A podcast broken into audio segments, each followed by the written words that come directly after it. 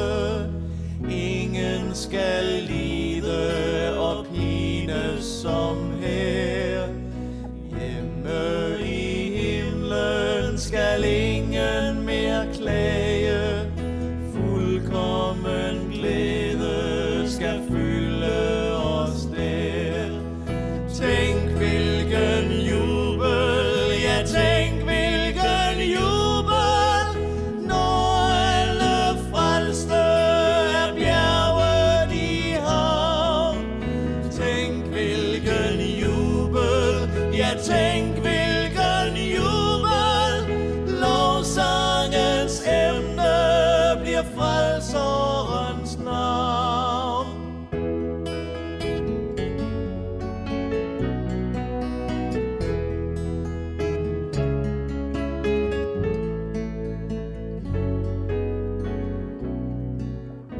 Hjemme i himlen skal lovsangen tro som havet, når bølgerne slår. Hjemme i himlen bliver alle ting nye, rene som Jesus, som tronen vi står. Lammet er værdig, ja lammet er værdig, han som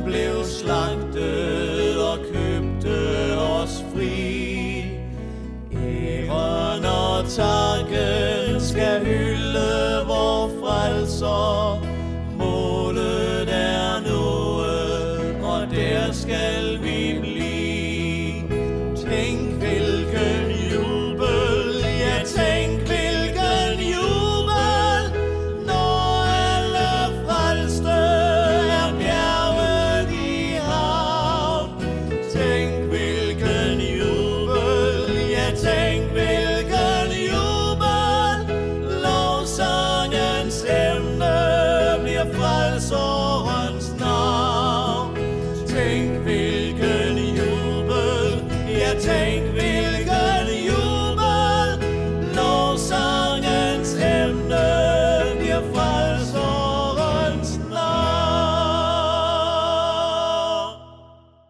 Vi har hørt sangen Hjemme i himlen med Claus og Thomas Jensen.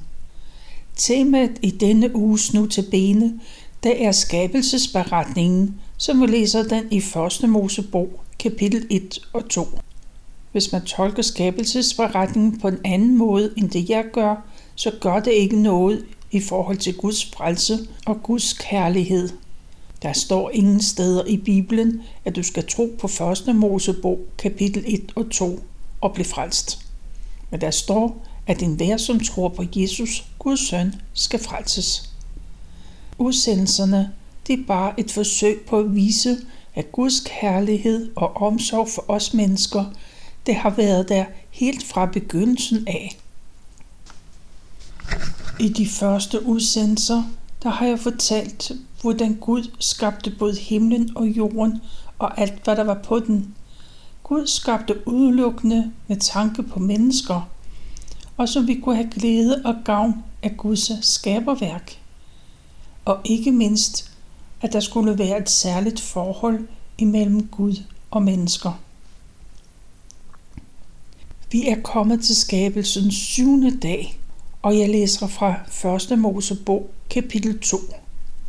På den syvende dag var Gud færdig med at gøre det arbejde, han havde udført, og på den syvende dag hvilede han efter alt det arbejde, han havde udført. Gud velsignede den syvende dag og helligede den, for på den dag hvilede han efter alt det arbejde, han havde udført, da han skabte. Vi i Danmark tager det måske som en selvfølge, at man holder fri efter en uges arbejde. Men det er ikke en selvfølge for alle i verden, og slet ikke set i historisk lys. Men Gud gav mennesker lov og ret til at hvile. Da Gud gav Moses de ti bud, så sagde han blandt andet, du skal holde hviledagen hellig. Du har seks dage om ugen til at udføre dit arbejde og dine daglige gøremål. Men den syvende dag er en hviledag, som er indviet til Herren, din Gud. Og du kan læse om de ti bud i 2. Mosebog, kapitel 21. Her på den sidste skabelsesdag, der skaber Gud en hvile og hellig dag. På de første seks dage blev verden skabt, og der var intet at tilføje. Gud stoppede med arbejdet. Der var ikke mere, der skulle gøres eller tilføjes. Og det er nok sådan, at ordet hviledag skal tolkes. Man har seks dage til at tjene til føden og glæderne og alt det andet, der skal gøres. Men den syvende dag, det er Guds. På den dag kan man få tid til at lade kroppen hvile, og på en særlig måde kan man bruge tid til at være sammen med Gud i ord og i bøn. Det er ikke et tilbud, som man kan bruge eller lade være. Det er et bud på linje med det, at du ikke må stjæle eller slå ihjel. Og der er en særlig velsignelse knyttet til at holde hviledagen hellig.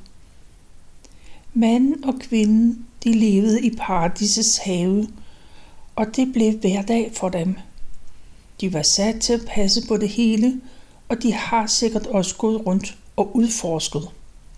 Jeg forestiller mig, at de har lært at finde rundt, så det ved, hvor de bedste frugter de vokser henne. De har nok også fulgt de fire floder, der løb gennem haven og ud under den mur, der var rundt om haven. Og så holdt de øje med dyrene, der græssede, og der legede med hinanden ved flodbredden. Det var let at dyrke jorden, for der var ingen ukrudt eller sten, der skulle fjernes. Og så spiste de af træernes frugter og drak af flodernes vand, og de satte sig og nød den stillhed og hvile, der var. Det var sådan, jeg forestiller mig, at der er på den nye jord i himlen. Bibelen fortæller, at himlen er en særlig fred, og der er en overflod af alt. Det er et sted, hvor der ingen bekymringer er eller sover. Ingen har ondt eller behøver at være alene, og ingen skal kæmpe for hverdagen til at hænge sammen. I himlen er Gud nærværende på samme måde, som han var i paradisets have. Der mødte Gud og menneskene hinanden ansigt til ansigt, og sammen glædede de sig over alt det fantastiske, der var skabt, og de talte om det, der skete i hverdagen. Det var sådan, at Gud havde tænkt, at det altid skulle være. Ja, man vidste ikke engang, hvad ordet ondt betød i praksis. Der var kun glæde og taknemmelighed i verden. Og mennesket takkede Gud for alt det, han havde skabt til dem. For i paradisets have var man ikke i tvivl, for Gud var der jo. De så jo træerne og dyrene og floderne og alt det andet. Også i dag kan vi se os omkring og se Guds skaberværk. Vi kan se den smukke solnedgang, efterårets farvepragt den snedækkede have, forårsblomster og solens varme og træernes skygge. Det vidner alt sammen om Guds omsorg og almagt og om hans guddommelighed. I Romerbrevet står der, at Guds straf hænger over hovedet på de mennesker, der undertrykker sandheden Guds sandhed. De kan ikke undskylde sig med, at de ikke kender noget til Gud, for han har sat et tydeligt spor i skaberværket. Godt nok kan man ikke direkte se eller måle den evige Gud, men den verden, han har skabt, viser hans guddommelige magt. De kender altså noget til Gud, men de viser ham hverken respekt eller taknemmelighed. Det står i Romerne kapitel 1, vers 21. Så selv i dag har mennesker ingen undskyldninger. Alt det Gud har skabt er liv rundt omkring os. Vi kan i det mindste takke Gud for det. Manden og kvinden oplevede hver dag, at Gud var til stede og havde en stor omsorg for dem. De mærkede, at Gud elskede dem, og de var dyrebare i Guds øjne, og de havde en ufattelig stor værdi for Gud. Sådan blev mennesker omtalt i Isaias' bog kapitel 43. Og det var ikke kun Adam og Eva, der var omsluttet af Guds kærlighed. For vi skal huske på, at Gud er den samme i går og i dag, ja til evig tid. Gud er altså den samme i dag, som han var på skabelsens dag.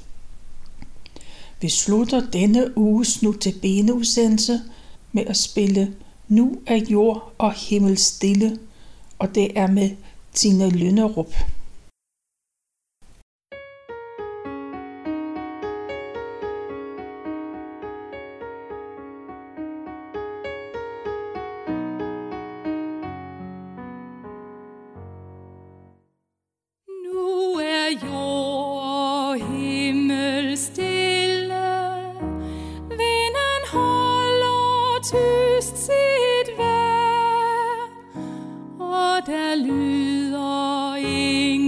Ingen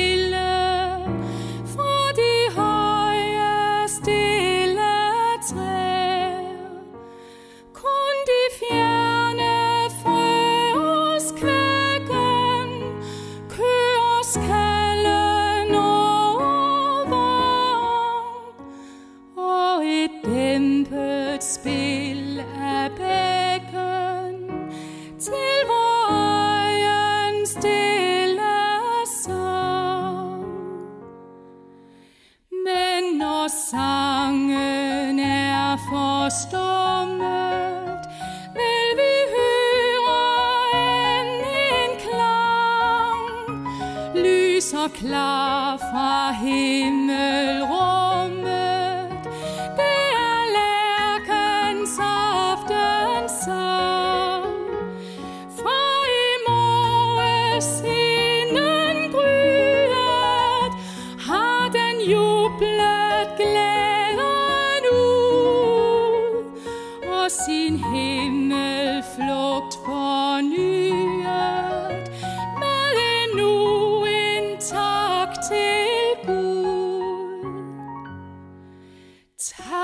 for dagen, som er omme, for en lang og dejlig dag. Tak for dage, som skal komme,